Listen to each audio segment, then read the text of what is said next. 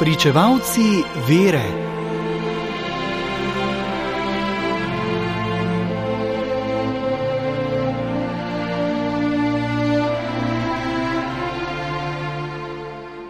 Na današnji dan goduje tretjerednik in spokornik Konrad iz Pjačence, ki je umrl v 14. stoletju.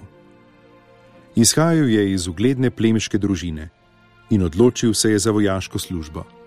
Oženil se je in z ženo sta živela v skladnem zakonu, vendar le malo časa. Konrad je zelo rad hodil na lov.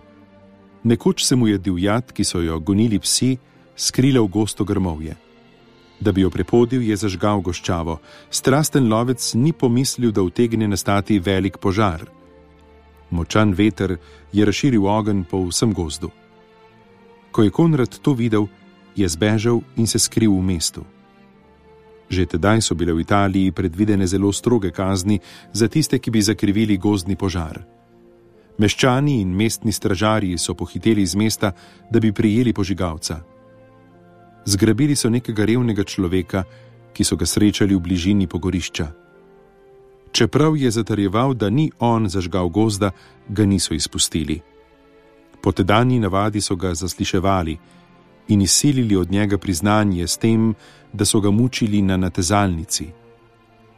Ko je v mukah priznal, da je res gost zažgal prav on, so ga obsodili na smrt.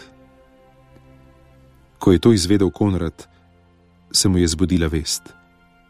Šel je k mestnemu poglavarju in mu priznal, da je gost zgorel po njegovi krivdi in da je pripravljen škodo poravnati.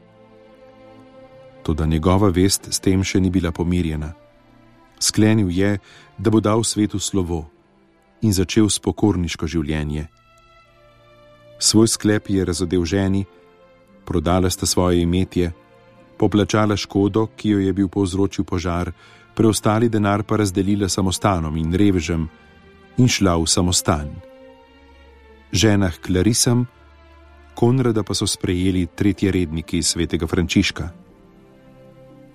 Ko je oblekel spokorniško raševino, mu je bilo kakšnih 25 let. Pri tretjerednikih v Pjačenci je ostal malo časa. Odpravil se je na spokorno romanje v Rim, od tam pa odšel na Sicilijo in v mestu Noto na jugovzhodnji obali tega otoka negoval bolnike in skrbel za reveže. Naposled se je odločil za popolno samoto. Na griču, ki je po njem dobil ime Hrib svetega Konrada, je našel votlino, v kateri je živel kot puščavnik do smrti. Samo od miloščine, ki jo je pobiral enkrat na teden, a še te je polovico razdal ubogim. Največ časa je prebil v molitvi. Večkrat so ga mučile skušnjave in obujali so se mu spomini na udobno življenje, ki ga je živel v domačem mestu kot ugleden in premožen plemič. Skušnjave je premagoval s postom in s pokornostjo. Tako je kot puščavnik prebil 30 let. Podobno kot sveti Frančišek Asiški, je tudi Konrad imel rad živali posebno ptice, s katerimi se je prijazno pogovarjal. Zato ga tudi upodabljajo kot tretje rednika, obdanega od številnih ptic, ki mu pojo. Čas tega kot zavetnika lovcev.